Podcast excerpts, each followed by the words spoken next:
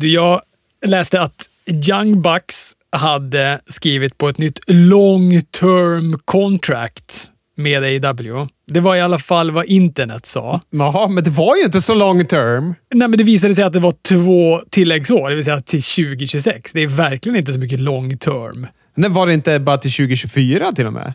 Ja, det kanske inte... Ja, men jag tror att de hade till 2024 och så skrev de på för två år till, vilket resulterade att det blev till 2026. Jag tror att det är så. Jag tänker inte ta gift på det, men jag tror det. Ah, då är Men jag jag, jag bara kände att, att det är verkligen inte långt fram. Nu har ju för sig Kota Ibushi har ju pushat den där ribban långt, långt. eftersom han då skrev på ett, eh, ett kontrakt som sträcker sig livet ut. Ja. Du har en lapp framför mig där det står så här. Påminn Chris om Justin Roberts och Bischoff. Ja, alltså jag håller ju på och läser Justin Roberts bok Best Seat in the House. Eh, otroligt bra bok och när jag säger läser så lyssnar jag på den i två gånger hastigheten. För det gör jag ju tydligen med wrestlingbiografier nu för tiden. Eh, men fantastisk bok, men han... Han är ju i en prekär situation som ring announcer. Man är ju liksom lätt att hacka på då och folk framstår ju som antingen riktiga svin eller supertrevliga i hans bok. Alltså JBL, det är ju ingen överraskning att JBL är en röv, men han tar det till så nya höjder här. För bland annat så blir JBL intervjuad av någon tonåring till något lokalt tv-program eller någonting. Varpå den här tonåringen börjar liksom stamma och tappa bort frågan. Och då vänder sig JBL till den här tonåringens mamma och frågar Har du någon grabb som inte är retarderad eller? och inte nog med det då, utan när de alltid var på så här overseas-turnéer, då gjorde JBL allt för att sabba för Justin Roberts. Han, om Justin Roberts satt på ett säte, då var det fel säte. Då var det JBLs säte. Och så vidare. Som en klassisk så här bully i eh, ja, men typ Karate Kid eller någonting. En gång så stannade JBL bägge bussarna. De hade en heelbuss, en facebuss och tvingade av Justin Roberts från facebussen. Och eh, när Justin bara vände sig och tittade på Paul London som han satt bredvid såg han skräcken i Paul Londons ögon. Sen så fick Justin Roberts sitta på heelbussen där det allt gick ut på att trakassera honom och mobba honom från alla brottare på heelbussen någon natt på något hotell, då går JBL och Chris Benoit och bara försöker slå in hans dörr och letar efter honom på hela hotellet för att de ska fuck him up. Men vad fan är grejen med JBL egentligen? Alltså, han är, verkar ju vara smått Ja. störd i skallen. Det här låter ju... Man, man har ju hört om honom tidigare, att han verkar ha Ja. den här genen i sig. Att han bara beter sig som ett jävla svin. Och... Eh, jag skrattade också till när han frågade ifall, ah, ifall de hade något barn som inte var retarderat. Det är ju för att det, blir, det låter ju kul i liksom textform eller i någon sorts så här sitcom-kontext. Eh, är det ju kul. Men att det är på riktigt är ju, det- alltså det är ju helt, det är ju fruktansvärt att han beter sig sådär. Ja, Det är så konstigt att man inte har bättre begränsningar på sig själv, eller vad fan man ska säga. Alltså, det är så konstigt. Men det sjuka med han också tycker jag är ju att, för det var ju någon gång som han adresserade de här grejerna. När han gjorde någon, det var väl på något Raw eller om det var på något Smackdown, här inte så allt för länge sedan. Då han också, också du vet, började snacka som om att han skulle be om ursäkt, men sen så du vet, vände han på och bara du sa något, något jävligt och rövigt och så du vet, ska han väl försöka kamouflera det med att han var heel-karaktären. Men det är så här, jag, jag tror ju att det, det där är ju han. Han gud, har inte ja. tagit åt sig för fem öre av den kritiken. Det där har bara runnit av honom. Allt det här som folk har hållit på att prata om, att han är en, eh, att han är en skitstövel. Ja, ah, det är sjukt. Och det var ju på Hall of Fame han sa det där dessutom. När han låtsades ta tillbaka det. Men nu, åter till Bischoff då! Åter till Bischoff och Justin Roberts. Eh, vart tror du Bischoff faller på den här skalan bland de snälla och de skurkaktiga? Jag kan säga bland de snälla så verkar ju Tommy Dreamer och coach vara bland de mest trevliga man kan träffa backstage. Och Fit, Fit Finley också. Så här otroligt sympatiska framstår de. Ja, jag ska återkomma till Fit Finley lite längre fram i den här podden sen. Men jag tror att Bishop faller ändå under... Att, jag tror att han har varit en trevlig prick. Han är fantastisk! Ja, för ibland så när man hör andra prata om honom. Bruce Pritchard berättar ju alltid om det här, att det var sånt oväntat, en oväntad vänskap som Ja. eh, blommade upp mellan dem. Just för att Eric Bishop var bara så fruktansvärt trevlig och typ professionell att jobba med och såna saker. Ja, gud ja. Och eh, det, det här är ett sånt fint moment tycker jag. Det, det stod ut för mig för att eh, Justin Roberts var, när Hulk Hogan signade för WCW, då var Justin Roberts på Universal och eh, hade liksom tagit sig... Han var tvungen att se när Hulk Hogan dök upp där. Han tvingade sig dit liksom med sina kusiner eller vad fan det var. Och eh, lyckas få syn på Eric Bischoff som vad heter det, är där med någon sån här Hogan tanktop på sig. Och då vad det, kommer Justin och frågar bara, Åh, vart kan man köpa såna där? Han går fram till Eric Bischoff som han vet vem det är och frågar det. Varpå Eric Bischoff tittar på Justin Roberts och säger bara, men du grabben, stanna kvar. Sen så vad heter det, försvinner Eric Bischoff runt hörnet, tar av sig sin tanktop, för de säljer inte Hogan tanktops, och så ger han den till Justin Roberts, som då bara var en 14-årig grabb. Liksom. 14, 15, 16, vad fan han var. Och eh, säger åt honom, ta den här. Och vad heter det, hoppas du har kul på themeparken. Liksom. Otroligt sympatiskt tycker jag. Men okej, men den är bra boken. Är det Justin Roberts som läser in den eller? Ja, han läser in den och den är...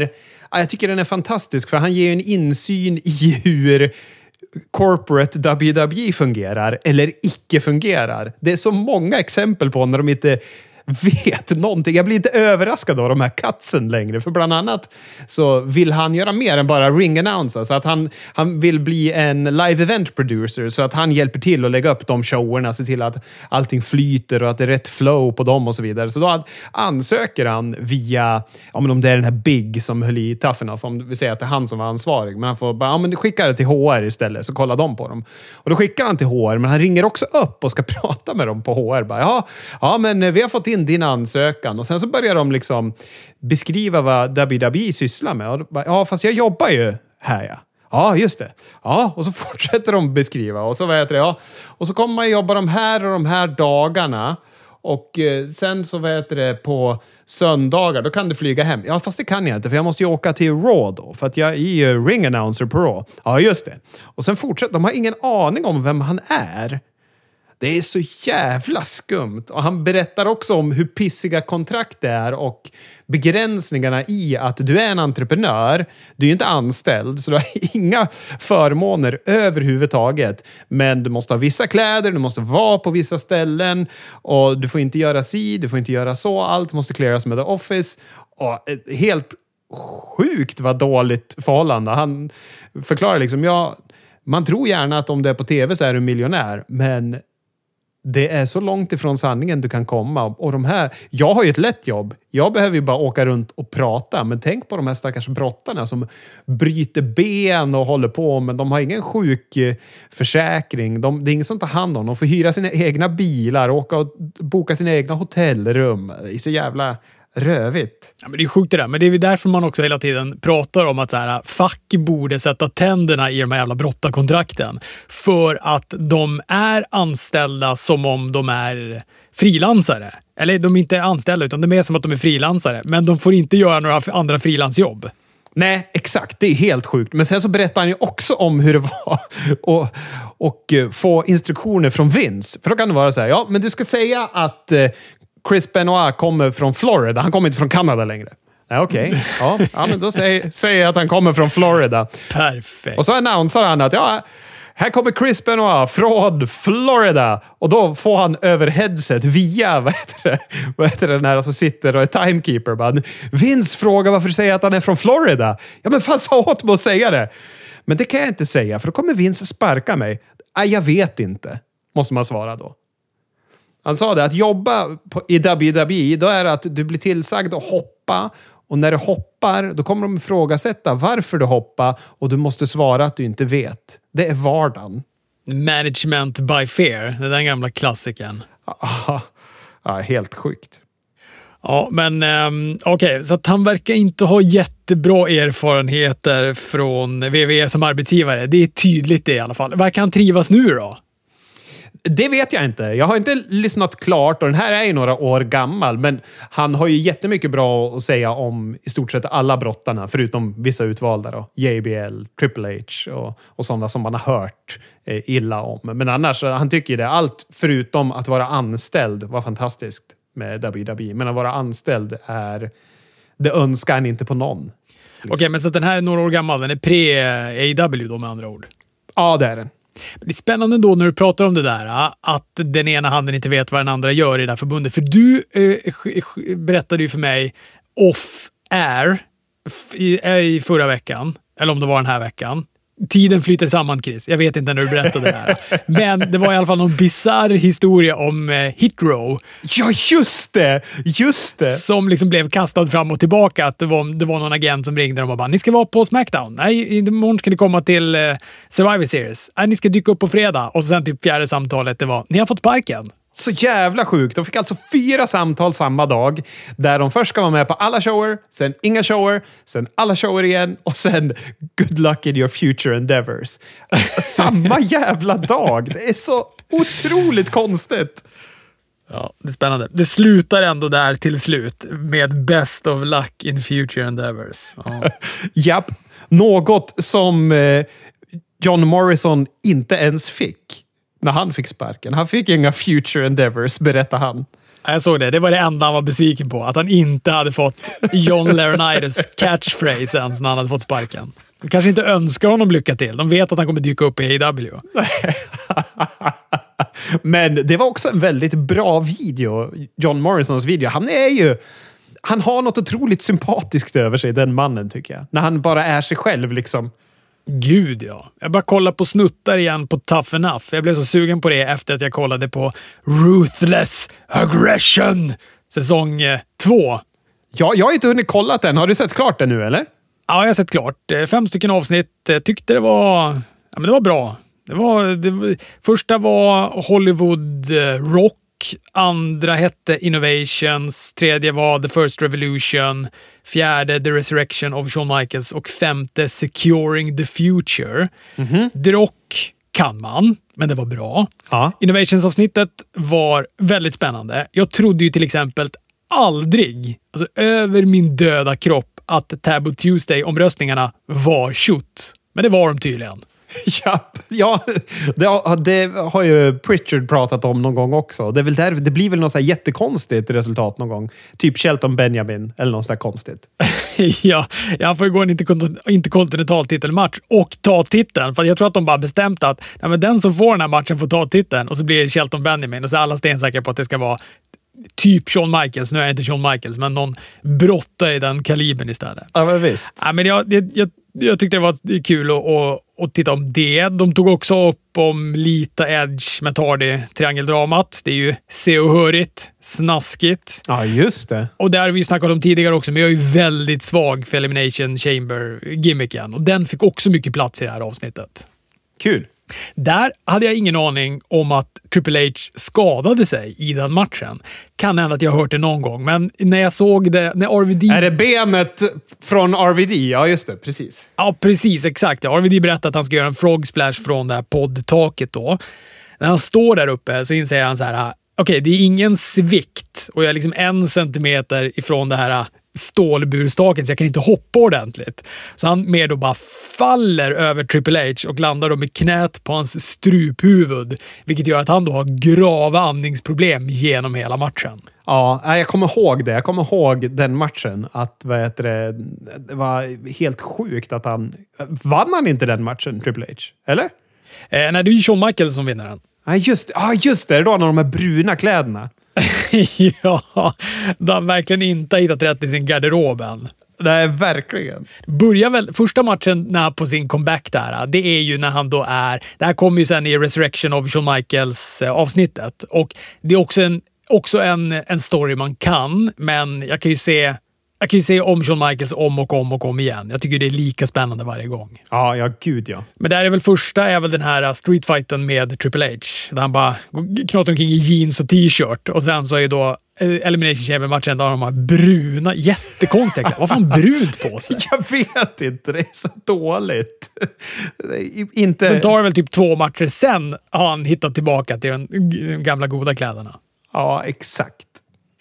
Eh, First Revolution var om kvinnodivisionen. Det har ju varit en berg och dalbana och är väl fortfarande till viss mån. Två steg fram, ett steg bak är väl psyken när det gäller den. Minns ju med glädje. Trish mot Victoria-fejden. Vi får följa Molly Holly, går i sin hair vs hair-match på WrestleMania som hon förlorade. Det blir Ah, rakar ju av håret på henne. När Trish vänder mot Jericho på WrestleMania, Mickey James och Trish-fejden, lite av Trish-matcherna. Ja, massa, massa bra. Och så mitt bland allt det här då, så kommer det ju en Diva Search där de står och smetar glass på brösten på ett Raw. Ah, och så sen har vi också det. en Playboy Pillow Fight på något WrestleMania. Så mycket fram och bak. Ja, verkligen. Men eh, du pratade om Fit Finley där. Han verkar ju ha haft en otrolig tongivande roll i att ge de här brottarna chansen när det begav sig. Alltså han tränar ju dem och så berättar de att han höll på att typ smyga in grejer när, när han blev tillsagd att det var så här, Nej, men nu måste de hålla tillbaka. De håller på att bli bättre än snubbarna eller de får mer pops än snubbarna. Det får de inte få. Så, här. så då var han ändå så här, ja men gör det här, gör det här. Det där kommer publiken gilla och det där kommer de inte tänka på och såna här saker. Så att han och eh, framförallt Stephanie McMahon också då verkar ha varit väldigt tongivande i att, eh, ja, att den ändå gjorde framsteg, kvinnodivisionen. Ja, just det. Ja, jo, nej, men han är, de brukar ju tacka honom. De som har blivit invald i Hall of Fame, de kvinnliga moderna brottarna, de brukar ju alltid tacka Fit Finley. Men vet du varför han fick sparken ett tag ifrån WWE? Nej. Han var sån där live event producer och då när de körde den amerikanska nationalsången, då skickade han in heelsen för att avbryta och, och vad heter det, vara heels. Men så är det, det får man inte göra för Vince McMahon. Då får man sparken. Tack och adjö. Men han var, han var även så här, han hade, för att roa Justin Roberts så brukade Fit Finley låtsas spela basket i ringen, alltid. Så att, vad heter det, Justin Roberts låtsas passa en osynlig boll till Fit Finley som Fit Finley dribblar utan att någon ska märka det och eh, försöker dunka den. Och det är lika att varje Royal Rumble och varje Battle Royal så brukar det vara någon som härmar Greg the Hammer Valentine från 1992 års Royal Rumble när han på riktigt blir förbannad och dunkar i mattan när han åker ut. Han bara accepterar det inte som alla andra som åker ut från Royal Rumble. Så då brukar någon göra det för att alla vet att det är Justin Roberts favorit moment i Royal Rumble-historien. Så det finns när CM Punk gör det och när andra gör det. Det tycker jag också är fint. Securing the Future var eh, sista avsnittet om eh, OEW. Det var lite tough enough och lite, lite, lite, lite NXT. Svagaste avsnittet, men eh, gick också att titta på. Lätt-tittad säsong, sevärd. Tycker verkligen man kan eh, ägna några minuter åt det här. Ja, kul. Jag ska ägna alla de minuterna åt det, tänkte jag. Det var inte så långa avsnitt heller. Jag tror att de var så här 40-45 minuter, utom sista avsnittet som var 31 minuter. Så det, var, det var tydligt att Securing the Future, det var tunt. Det var tunt på den sidan. Ser också fram emot Netflix-dokumentären om Vince McMahon. At some point in 2022 tror jag hon eh, sa i någon intervju, Stephanie McMahon, om att den skulle komma. Ja, just det. Superspännande. Ja, fast VV är väl med producenter på den, så att det är väl ljug utan dess like på den också. ja, otroligt. Vad tyckte du om Rampage och Dynamite då? Jag gill... Jag kommer knappt ihåg Rampage, men jag gillade Dynamite. Men du fick ju Tony Nese på Rampage. Åh, ja! Ja, I alla fall, du fick han någon annanstans än ringside. Han utmanade Sammy Guevara på, om TNT-titeln på nästa veckas Rampage då. Ja, ja, det älskade jag ju. Jag tycker han har fått lite konstig frisyr, Tony Nese, men jag tycker att han levererade en bättre promo än vad jag förväntade mig faktiskt. Ja, det har inte varit hans starka sida där att prata. Jag tror att han har samma frisör som Wheeler Utah. Tror du inte det? jo, det tror jag. Det har du helt rätt i. Fan, de skulle kunna vara ett bra team ändå. Ja, bättre team än eh, att han... Wheeler, för Wheeler Utah tycker jag känns apart i den här Best Friends. Fast hela Best Friends-stallet är fan apart alltså. Ja, otroligt. Och han är ju bara där för att förlora också. Han är som en red shirt i Star Trek, Wheeler Utah.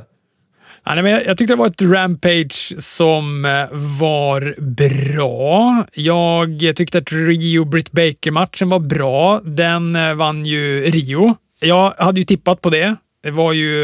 Jag kände mig ganska säker på den matchen när jag satt och tittade. Jag kände hela tiden, den här matchen har Rio. Men jag, jag hade inte tippat att Rio skulle vara så över som hon var. För det kändes som att det var hälften Britt Baker, hälften Rio. Men hon har ju varit över sedan de introducerade henne, känns det som. Det, är, det känns som att det är för att Kenny Omega endorsade henne på, ja men om det var All Out, eller vilken det nu var. Där hon liksom hade sin... För han endorsade ju alla de här japanska kvinnorna de tog in. Och det känns som att eh, sen dess har hon varit väldigt så här... Eh, ja, men, som hemmalaget för AEW-publiken. Ja, hon gick ju matcher mot Nyla Rose vet jag som publiken gick bananas över. Det var verkligen var sån där David mot Goliat-stämning som publiken uppskattade otroligt mycket. Verkligen.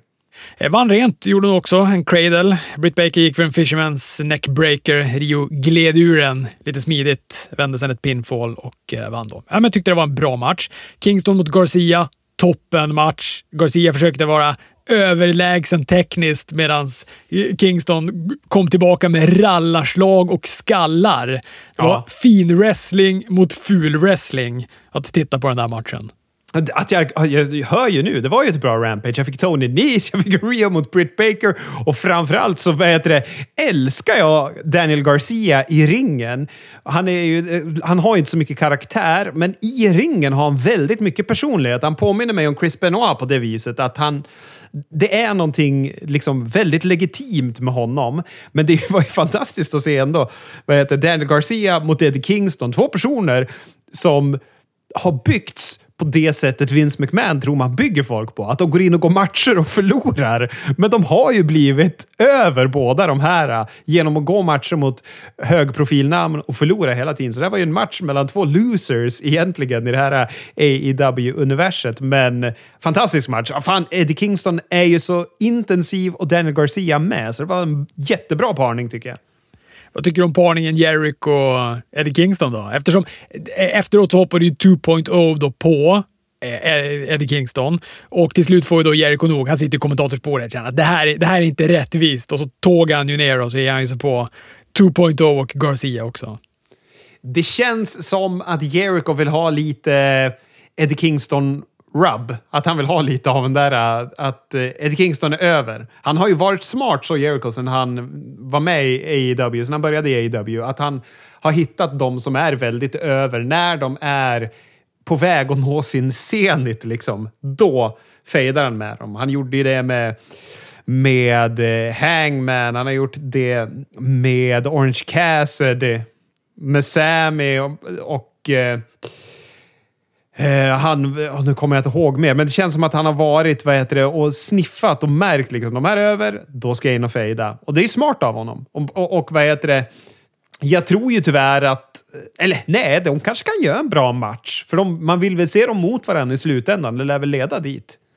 Ja, jag tänker väl det i alla fall. Nu ska det väl då först då vara att de går lite tag matcher eh, mot 2.0 och så sen kanske ska skita sig och så ska de då gå singelsmatcher mot varandra. Jag kan tänka mig det i alla fall. Men nu får vi väl se i och för sig. Nu gav ju sig 2.0 på Jericho på Dynamite här. Sen håller han ju också på och instagramma bilder från England, så han verkar ju inte alls ha varit på Dynamite han. Nej, han är väl på vad heter det, Foss i Europaturné nu tror jag. De lägger väldigt mycket tillit till att vi ska tro på Tony Khans privatjet. Liksom ha skytteltrafik mellan landsgränsen och delstaterna. Japp. Det är tydligt det. Eh, jag tyckte att det var bra drag på Dynamite också. Jag tyckte det var skönt att Ruby fick gå en riktigt, riktigt bra match. Både jag och publiken uppskattade Chris Statlander mot Ruby Soho. Ja, jag också. Det var ju överlägset Rubys bästa match i AEW. Överlägset hennes bästa tycker jag. Verkligen. Och jag tror att det är mycket tack vare Statlander också. Statlander är stabil och deras stilar passade varandra väldigt bra. Eh, jag tyckte att den var, ja, men den var spännande, den var välbrottad och eh, Ruby vann, tog sig vidare i då den här TBS-turneringen och jag är ganska säker på att hon kommer gå hela vägen och vinna. Ja, du har ju sagt det och du verkar ju vara Saida i den här punkten faktiskt. Nej, men, och det känns bra att hon fick gå en bra match då. Det känns verkligen jättebra det. Men när Taz sjunger den här Rancid-låten i början, det är, det är bland det bästa jag vet. Jag skrattar. Ja, jag skrattar varje vecka. det är så dåligt, men det är så bra. Otroligt dåligt. Ja, otroligt dåligt. Ja, men, eh, och main eventet tyckte jag var obscent eh, bra i, på Dynamite. här. Eller, han brann ju för fan i foten, Cody. Ja, men han, hade låg brinnande material på bröstet på Andrade när han blev pinnad också i slutet. Så han ligger och viftar och fladdrar bort de där jävla brinnande bitarna och släcker Cody samtidigt. Det var ju en helt sjuk spot för att vara liksom primetime-tv. Andrade försöker släcka elden samtidigt som han blir pinnad. Ja, men ja. Det, man, man förlåter det, för att man tänker också oh, så ja. det kommer annars brinna upp. För man ser att det brinner lite på bröstet, det brinner på fotknölen på Cody. Han ska då göra en suplex genom ett bord och eh, när de är då håller på och knöla på repet, han och Andrade, så kommer då Brandy in, dränker det här bordet i eh, bensin eller något lättantändligt. Tänder på det där och så gör han då den här suplexen genom bordet. Andrade landar ju ganska bra, för han landar ju bara typ med lite bakhuvud på det här brinnande bordet. Men Cody hamnar ju du vet som en, som en vedstad som bara säckar ihop i mitten eh, i det här brinnande bordet. Ja, uh, helt Ja, alltså det kändes som ECW från 1997 typ när man såg det. Han landade mitt i det brinnande bordet. Han kunde inte landa, han kunde inte landat mer mitt i det brinnande bordet än vad han gjorde här. Nej, gud nej. Alltså, jag satt och gapade. Och då hade jag ändå förstått det, för att jag tittade på det här samtidigt som jag chattade med dig och vår källa Anders. Och då började ni prata om att karn brann ju! Och då bara, va? Vad är det som kommer hända? Och precis då plockar Brandy fram de här två flaskorna och sen så bara, åh, fuck. Och han får ju några smälta delar av bordet som fastnar på ryggen och grejer. Ja, det ser otroligt otrevligt ut. Men jo, precis. Vi missräknade ju lite. Jag trodde att du hade sett det när vi började skriva om att han brann. Men eh, det förklarade ju också den här geggan han hade på ryggen. För jag satt ju och funderade hela matchen. Vad är det karln har på ryggen? Jag trodde ju först han hade varit och lånat Big E sån här burk matfett som han höll på smälla på kroppen här på något Raw för några veckor sedan. Jag trodde att han hade solat illa först, för det såg ut som att han flagnade på huden.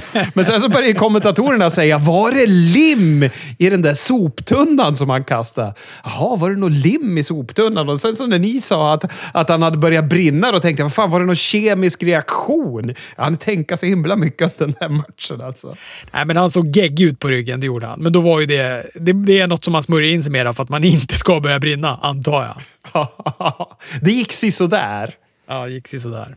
Men vilken match! Jag tyckte den var fantastisk. Ja, toppen. Ja, toppen match. Och han blir också utbuad i sin egen hemstad och det skär i mitt hjärta att han blir det. Men han hade ju bättre publikstöd här än vad han har haft senaste typ halvåret. I början var det övervägande jubel tycker jag. Det var ju när de väl kom till, in till ringen, då började det hagla lite burop och sen så växte det under matchen. Men i slutet, efter tablespotten och så, då var det återigen övervägande jubel tycker jag. Ja, jo men det var det. Jag, jag får eh, säga som Excalibur. Burop tenderar att höras högre än, än hejaropen. Ja, exakt. Och så är det ju, men ja. Nej, fy fan. Men jag tycker det är fascinerande ändå. Han som är sådär att fansen har vänt sig mot honom. Då gör han ju inte det enkla och turnar heel eller så. Utan då arbetar han hårdare. Då tänder han eld på sig själv. Vad är han för människa? Han är fantastisk ju. Men något annat som man bör tänka på med den här matchen, det är att Arn återigen tippade. Ramlade likt en sköldpadda ner i det hela fack mellan pyrotekniken och rampen. Så den här Jose måste hjälpa honom upp för att sen slå ner honom. Då satt jag också och skrattade så jag grät lite. Ja, jag tänkte precis fråga dig ifall du också var orolig för Arne Anderssons lårbenshals. Nej, jag skrattade. Det är också roligt när man ser det där i periferin, för man, det är liksom snett bakom dem som man ser att då José då hjälper han upp för att sen börja slå på honom för att, för att fortsätta enligt plan. Det var väldigt, väldigt roligt. Ja.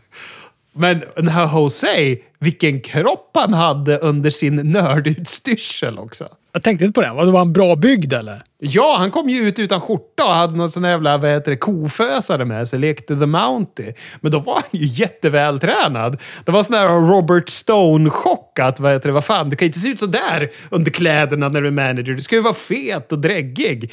Fan. Eh, nästa vecka, den årliga Diamantring Battle Royalen. Jag hoppas, hoppas med hela min kropp att MJF tar den för tredje året i rad. Det, det skulle klä han så otroligt mycket om han tar den för tredje året i rad. Ja, ja, gud ja. Vem kan annars bära upp den där ringen som han? Ja, jag försöker tänka nu, men ja, vem fan ska bära upp den där? Ja, men vem annan skulle kunna ha den diamantringsgimmicken? Det är ju ingen annan som skulle kunna ha den. Nej, det är väl Tony Nese då? Nej, jag vet faktiskt inte vem som ska ha den. Ja. Nej, det är väl om, vad heter det, de vill göra en jävla Orange Cassidy-gimmick av det hela, vilket skulle vara skittråkigt. Åh, nej, fy fan. Han får inte ta den. Han får verkligen inte ta den. Då, då vill jag hellre att någon så här otippat ny tar den. Typ Leo Rush eller något sånt där. Ja, det hade varit fantastiskt det med. Ja. Leo Rush som också gjorde en liten skakig promo först. Sen var det som att Taz bara i, i gimmick sa, sa till han att skärpa sig. Nu får du Ja, fan. ja. Då bara växlade han upp och blev tokbra helt plötsligt. ja, den var otroligt dålig från början. Publiken tvärdog också. ja. Här kommer han ut och stammar och vet knappt vad man ska säga. Men sen vart den bra. Fan, jag gillar Och så den. där. Taz bara, skärp upp dig, kom till sak. Och då bara växlade han upp och blev toppen. Men jag gillar den här fejden med, vad heter det, med Dante Martin i mitten. Den är ju fantastisk. Jag tycker det är bland det mest spännande som händer på Dynamite varje vecka. Just det här att, fan, han gick med Team Taz förra veckan. Det tycker jag är grymt. Vi fick ju också en eh, promo av MJF. Eh, också på Punk då, efter att Punk vann över Lee Moriarty. En match som Punk nästan ger för mycket åt Lee Moriarty. Alltså han... Det var, det var ju nästan så att man satt och blev orolig att han skulle förlora sin första match mot den här snubben. Ja, men han var väldigt givmild. Men jag tyckte om matchen. Jag gillade det faktiskt. Å andra sidan, för det var ju, publiken var ju stendöd i början. Ja, men du vet, de var glada för att de fick se sin Punk, men sen var de ju också så här, ja, ja, den här matchen kommer han ju vinna och han kommer göra det ganska snabbt. Men sen satt de väl och blev lika stressade som jag som bara, vad fan, slu, kar, sluta sälj nu. Nu får du, nu får du ändå skärpa upp dig. För när han gör den där, när han reverserar och gör en go to sleep i slutet, publiken var liksom förlösande räknade de med till tre när han vann den matchen. Japp, japp. Ja, men det är fantastiskt att de kan skapa sådana känslor då med, med våran nya Lee Moriarty. Liksom. är dock inte jätteförtjust i Needle Dick. Jag tycker att Punk kan bättre än att kalla MJF för Needle Dick. Jag tycker det känns billigt och jag tycker också eh, det känns inte CM Punkskt att komma dragandes med det två veckor i rad. Tristare priser, det är inte min CM Punk inte. Nej, det känns ju som en sentida Chris Jericho, fast han har ratat det för att det var lite för dåligt. Ja, nej, det där var inte bra. Och det här att eh, MJF börjar dra upp att eh, CM Punk ska vara het på Britt Baker. Jag tyckte också kändes apart. Var kom det ifrån? Han vill aldrig prata om. Nej, men det var väl för att han namedroppar ju henne. Han namedroppar ju henne på sin eh, debut. Då sa han ju vad heter det, You guys make me feel like Britt Baker in Pittsburgh. Och sen så var det ju att eh, i förra veckans promo, då sa han väl... Visst var det förra veckans promo? Ja, det måste det ha varit. Då han säger till MJF att han är så självupptagen att han inte ens har märkt att vad heter det, Britt Baker har bytts ut som vad heter det, den fjärde pelaren istället för MJF i AEW. Så jag tycker det är ganska snyggt att han kör callbacks till det MJF. Och jag tänker och kan hoppas att det här är långtidsbokning så att vi kan få Adam Cole mot CM Punk framåt. Mm, vadå att det ska ligga någonting, eh, att det ska ligga någonting i det? Eller att bara Adam Cole också ska få för sig, likt han har fått för sig att Tony är, är het på Britt Baker. Ja, exakt det hoppas jag. Ja. Jag vill ju se Adam Cole mot CM Punk, det vill jag. Så att om det då ska krävas att Britt Baker ska stå där i mitten, ja då får det väl så bli. Ja, det, men det kan vara en bra fade om en, hon är oskyldig och Punk är oskyldig, men Adam Cole bara är Macho Man Randy Savage i det hela. Det är fantastiskt. När det kommer till Smackdown så vill jag börja prata om Kyla Braxton. Aha. Jag har tänkt så många gånger på att jag ska ta upp henne, men jag har glömt. För hon har ju ändå lyckats med det omöjliga. Vara en backstage announcer som WWE tvättar ur så det inte finns en enda färgnyans kvar i deras personlighet. Men då börjar ändå så här. Alltså börja, Kyla började ju totalt urtvättad. Inte hennes fel, men hon var totalt färglös. Ja. Och så har hon gått från det till att lyckas då få tillbaka lite personlighet, lite mer personlighet från vecka till vecka. Mycket tack vare hennes dynamik med Paul Heyman, eller kanske bara tack vare hennes dynamik med Paul Heyman. ja. Tills att nu, nu får hon ju pops och det är till och med så att publiken Ja, nu har hon så mycket personlighet att publiken till och med ropar hennes namn. Och det är fan en bedrift och det ska hon ha något för. Ja, gud ja. Det är eh, bra jobbat, men det är väl Paul Heyman som har byggt henne. Han har ju gjort henne. Ja, men hur har Vince kunnat gå med på det här? Han hatar ju att deras ring, att de här backstage annonserna har någon typ av personlighet. Det är jättekonstigt. Hon kanske får sparken snart. Ja, ja, det skulle inte förvåna mig. Det skulle inte förvåna mig. Inte det minsta om hon snart får sparken. Nej.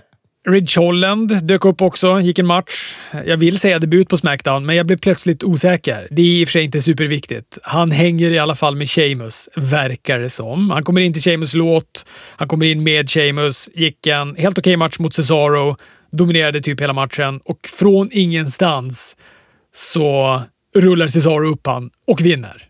Ja, det är typisk WWE-bokning. Rich Holland är också typiskt WWE, för när man ser honom så förstår man ju att han är helt i VVS smak. Alltså både storleksmässigt och brottningsmässigt. Ja, gud ja. Honom har de format. Han är ju sådana som vi kommer få se från NXT framöver. Annars så handlade väl det här Smackdownet mest om ifall Brock Lesnar skulle komma då till nästa veckas Smackdown eller inte.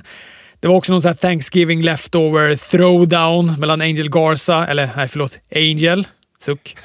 Han gick mot Rick Boogs, som säkert snart bara kommer att vara Boogs. Eller kanske bara Rick, för de tar ju också bort de tuffa och bra efternamnen. Så de, de får ju behålla de dåliga namnen.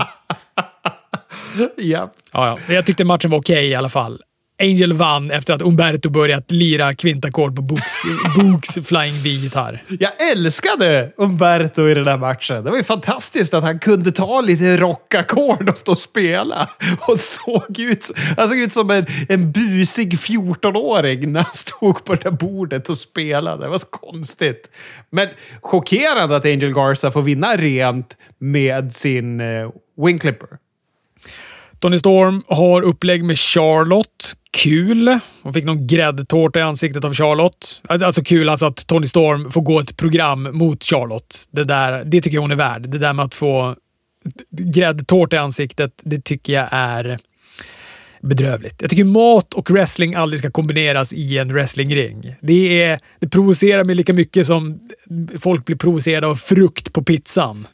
Jag blir galen. Det är mot allt förstånd när de blandar in mat och wrestling i ringen. Men det har varit mycket sånt nu. Det var ju Pizza Hut, Battle Royal och nu fick vi de här pajerna som enbart var grädde. Det, är ju, det här roar ju tydligen 76-åringar eller vad fan Vince McMahon nu är. Eh, och så hade de en Black Friday Battle Royal som Sami Zayn vann. Det var Sami Zayn, det var Viking Raiders, det var Ricochet, det var Drew Gulak, Mansour, Mace, Angel fick vara med här också. Umberto fick vara med, Jinder Mahal, Shanky, Jeff Hardy, Rick Boogs. Cesaro, Happy Corbin, Ridge Holland. De måste återanvända alla brottarna här. Man, man kan ju tro att det är få brottare i WWE. Det är det alltså inte, men eh, tittar man på det här så verkar det vara det. Moss var med också och Sheamus var med. Klassisk Mora Battle Royal.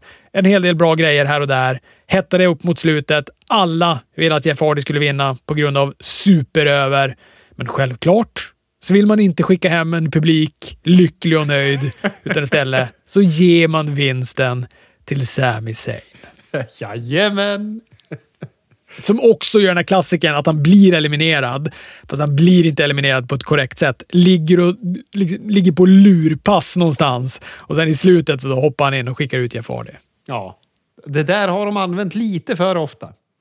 Ja, lite för ofta. Man blir heller inte chockad när det händer. Nu är det som, alltså, och det, så där är det nästan på Royal Rumble också. Man bara väntar ju på att det ska dyka upp någon som har åkt ut i mitten och det är alltid någon sån där nu ska jag i och för sig aldrig likställa Sami Zayn med The Miss, men det är alltid någon sån där healig, sån där upper midcard-brottare som får göra de där grejerna också. Alltid det. Ja, ja, så är det. Och en match mot Roman Reigns låg ju i prisbotten. Men Sami Zayn mot Roman, det kommer aldrig hända Chris. Den matchen kommer aldrig hända. Man ska bara gå någon krånglig väg. Liksom Man ska gå någon krånglig omväg för att det gör heat. Såklart. Såklart. Apropå Battle Royals så lyssnade jag på när Lance Storm snackade om Battle Royals. Aha. Jag minns inte vilket sammanhang det var, men han sa att det var ett helvete att vara med i dem i alla fall. Och ska man inte vinna, då vill man åka ut först. För att det är så knöligt och det är tight och skaderisken är hög. För det är liksom så lätt att någon landar på någon arm eller liknande för att det är så trångt och jävligt när det är så många som trycks in i en ring samtidigt. Ja, de brukar väl säga att man vill åka ut fort. För man får ändå lika mycket betalt. Så man vill gärna vara en sån här som bara går in och kastas ut när man är med i Royal Rumble. För du får exakt samma lön som någon som går in som nummer ett och blir eliminerad som sista. Raw var i eh, USB redan, UBS Arena i Elmont i New York. Det var en ganska bra första timme ändå tyckte jag det här Rawt. Du kanske hade ett, ett, helt, ett helt bra Raw då eftersom du såg den klippta YouTube-versionen. Eller? Ja, jag fick ett Raw när det var ganska mycket tomma säten, reagerade jag på i alla fall. Alltså även på hardcam-sidan när man såg. Jag tänkte på det när Drew McIntyre pratade. Det var lite distraherande. Tyckte det var en bra startmatch. Bally mot Seth Rollins gillade jag. RK Bro-matchen mot Dirty Dogs gillade jag. The Miss är alltså Edge nästa program. Det känns exakt noll spännande i och för sig. Ja, men det var ändå ett underhållande segment tycker jag. Alltså det var skönt att inte ha Miss med Morrison på något vis. Det knasiga med Miss, eller knasiga, men han kan ju faktiskt leverera jättebra promos när han tillåts att vara seriös. Så jag skulle ju vilja att de låter honom vara det mot Edge som är en seriös motståndare eller vad man ska säga. Det skulle vara så skönt att slippa ha Jönssonligan-fasoner med Miss. Men jag tror att det som jag stör mig mest på det här, det är att Edge jag tyckte att det var ett sånt jävla antiklimax. Edge kommer in, han börjar ju rada upp den ena spännande brottaren efter den andra som han då vill gå match mot. Han namedroppar Finn Balor, han pratar om Big E, han pratar om Kevin Owens, han pratar om Damien Priest. Nej, då ska The Miss och Maurice promenera in i omöjliga kläder istället. Och jag vet inte. Jag bara, jag, bara kände att, jag bara kände att det var så fruktansvärt ospännande. Jag började fantisera om att han skulle gå en, en fade mot vet jag, Finn Balor eller Kevin Owens eller fan AJ Styles. Vad, vad gör AJ Styles? Han, de kan väl plocka bort han från Omas. Han är blind nu. Det är AJ Styles grej. Nu är han blind. är det? Det var i och för sig ganska kul, men han är blind. Han var inte med på det Roy jag såg. Det här måste du förklara. Han gick ju förra veckan en match då han blev sprayad med en eh, brandsläckare. Var det Dawkins, tror jag, som drog fram den här brandsläckaren och sprutade den när han skulle hoppa in en phenomenal forearm.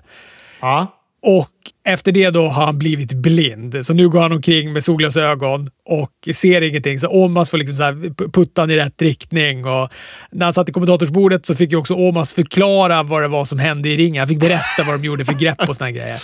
Sen eh, gjorde han ju något i slutet där Omas ser att, nej men vad fan AJ, du är ju inte alls blind. Ah, du visar att, nej men jag ser i alla fall lite suddigt. Typ, och då blir Omas besviken på AJ Styles. Det var ganska kul, men jag känner att det hade varit roligare ifall AJ Styles fick göra något vettigt. Ja, det håller jag med om. Men de vill väl verkligen att Omas ska bli så bra som de ser honom. Har du hört vad Undertaker har sagt om, om Omas? Nej.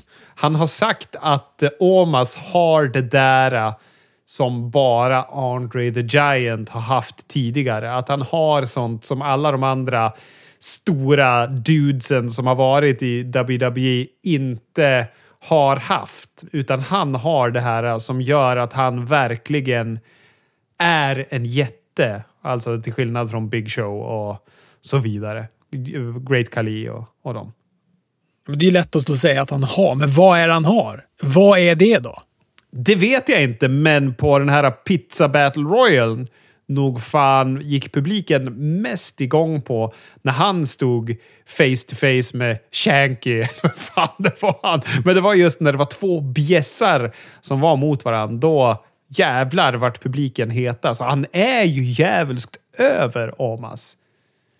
Ja, jo det är han. Och man, det är tydligt också att de vill göra honom till en Andre the Giant-brottare. det är ju det de, det är det de jobbar med när det, när det gäller honom.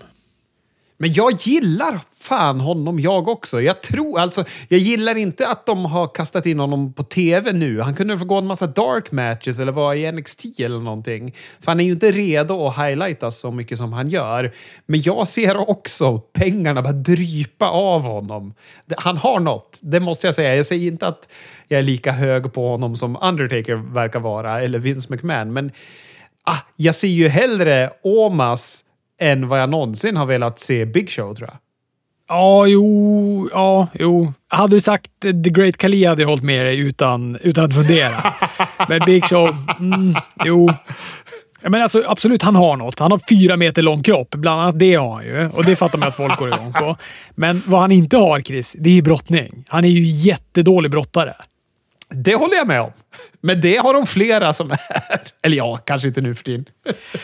Sen tyckte jag också det var ganska märkligt på det här rået. Alltså de sparkar en massa brottare och två veckor senare, då är de en del av en storyline. Alltså Liv Morgan sa ju att Becky Lynch giriga ego hade kostat hennes eh, två bästa vänner deras jobb. Syftar ju då på Ruby Riot och eh, Sarah Logan.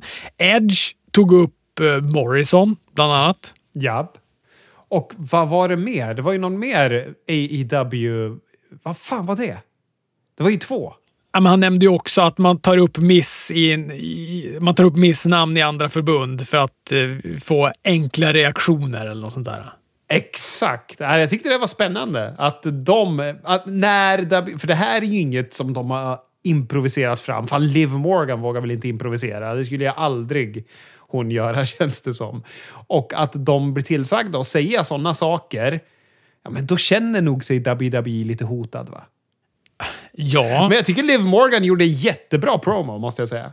Ja, jag gillade det här segmentet jättemycket. Det enda jag störde mig på är att jag måste gå in på skunk.nu för att få se den där känslosamma intervjun som hon hade gjort efter matchen mot Charlotte. Den var ju kanon! Ja, den var jätte, jättebra. Får, får jag istället se en liten, liten repris på Raw? Nej, den där hade jag velat se i helhet och jag hade velat se den på... Vad var senaste? Survivor Series. Jag hade velat se den på Survivor Series. Ja. Kavla upp den för fan direkt efter på Survivor Series. Ni, ni ser ju att det är guld ni har när hon står där äh, och den är alltså, på riktigt känslosam. Hon gråter, hon pratar om Charlotte Flair. Hon pratar också om allt som man också känner. Det känns som att det är på riktigt. Att de har verkligen varit bästa vänner, älskat varandra, men nu har det fan skitit sig mellan de här två. Den var toppen. Bra segment! Fan, det kändes bra. Nu när, när vi pratar Raw så känns det att fan, Raw var... Det var härligt att se på något vis. Ja, Priest eh, mot Apollo tyckte jag också var helt okej. Okay. Den vann Priest. Det var ju verkligen inte oväntat. Mysterios fick vinna en match. Det var dock oväntat. I kors i taket. De vann över Shelton Benjamin och eh, Cedric Alexander. Ja, det hör man! Man hör ju att det där var bortklippt så jävligt. Shelton Benjamin får inte existera på YouTube. Och så var det en 10-man tag team match med brudarna som var lång. 20 minuter. Och inte 20 minuter jättebra. Den hade de verkligen kunnat tajta till. Ja. Men jag ser fram emot Becky mot Liv Morgan i alla fall. Jag tror det kan bli bra. Det tror jag med. Spännande att se hur Liv Morgan kan bära upp en titelmatch på det här viset också. Kevin Owens mot Big E tyckte jag också var bra. Seth Rollins däremot, han är inte den skarpaste kniven i, i, i besticklådan som vi kallar VVE. Alltså hela Raw handlar om att eh, om Kevin Owens vinner den här matchen, då är han med i Rollins mot Big E deras match då på, på day one om titeln. Och så lägger han sig i matchen så Owens vinner på en diskvalifikation. Ja, så, så jättedumt. Men det, det, är väl ett sätt att spara Rollins mot Big E, antar jag. Men det var Raw. Vad har vi mer att se fram emot? Vi har ett eh, Wargames på söndag, natt mot måndag. Mycket märkligt där. Chris Dybeck. Det är gammalt mot nytt när det gäller Wargames-matchen. Det, det, är inte bara jag som titulerar det så, utan WWE själva titulerar det så. Jaha. Tomasa Ciampa, Johnny Gargano, Pete Dunne och LA Knight. Salig blandning mellan face och heels där. Går mot Braun Breaker, Carmelo Hayes, Grayson Waller och Tony D'Angelo. Vem är Grayson Waller? Ja, vem är någon av de här, Chris? Jag har ingen aning. De har varit två veckor i WWE. Jo, Carmelo Hayes, han var ju med när vi tittade. Men vad heter det?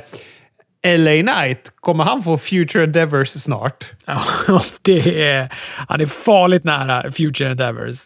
Det, kan lika gärna vara så att han tror att han ska vara med i War Games, men söndag morgon Då har han istället fått Future Endeavors istället för ett War Games. Ja, spännande på något sätt och oroväckande också. Alltså, ja, vad fan. Det här kan ju bli en trainwreck i mångt och mycket. Det känns som de är väldigt gröna på ena sidan. Liksom. Ja, det tog mycket grönt. Och sen ska, uh, vad heter han? Cameron Grimes. Han ska också gå mot Duke Hudson i en hair versus hair match. Och han har ju redan klippt sig, Cameron Grimes, och ansatt skägget. Och han ser ju dramatiskt mycket bättre ut. Han är riktigt snygg, men han är ju ingen caveman längre. Tyvärr. Nähä, vad tråkigt. Det här borde jag ju nästan eh, leta rätt på. Men tror du han förlorar den då? Vem är den här Duke... Ja, är det den här... Eh, Duke Hudson är den här långa som var med i turneringen va? Han, han gillade vi väl? Hade mycket karisma och sådär. Ja, jag gillade Duke Hudson. Han kändes ju som en lång, lite äldre version av Zack Sabre Jr. tyckte jag. Ja, just det. Bara till utseendet, inte till brottning. Inte ens i närheten i brottningen. han har ju någon sorts pokergimmick. Han, har ju, han är ju någon pokerspelare. Okej. Det har liksom varit hela hans gimmick och sen så bjöd han då in Cameron Grimes till pokerbordet. Så tänkte man, aha okej, nu kommer liksom grejen vara att han spelar av då Cameron Grimes alla hans miljoner. Ja, men istället så bara vann Cameron Grimes. Så han är också en usel pokerspelare. Hans gimmick är att han är en pokerspelare, men han är också en usel pokerspelare. Ska du se War Games? Ja, ja, ja. Gud ja. Det måste jag ju göra. Härligt. Det ska inte jag tror jag. Jo, kanske. Vi får se. Och då tycker inte att War Games match nummer två lockar då. Raquel Gonzalez, Io Shirai, Cora Jade, Kylie Ray mot eh, Toxic Attraction och Dakota Kai. Det lät ju mer spännande. Ja, det gör det. Det är väl bara den här Cora Jade som man inte riktigt vet om hon kommer hålla måttet. Men de här Toxic Attraction, det är de här eh, två tjejerna som är med Mandy Rose. Hur är de i ringen då? Jag, vet knappt. Har jag ens sett dem gå någon matcher i ringen? De är i och för sig tag team-mästare, så något har jag väl sett. Det är väl en... Eh, de är inte dåliga, men de är heller inte superbra. Nej, okej. Yes. Ja, men då finns det potential för den matchen i alla fall. Fan, Io Shirai kommer göra något tok-jävla i den matchen. ju.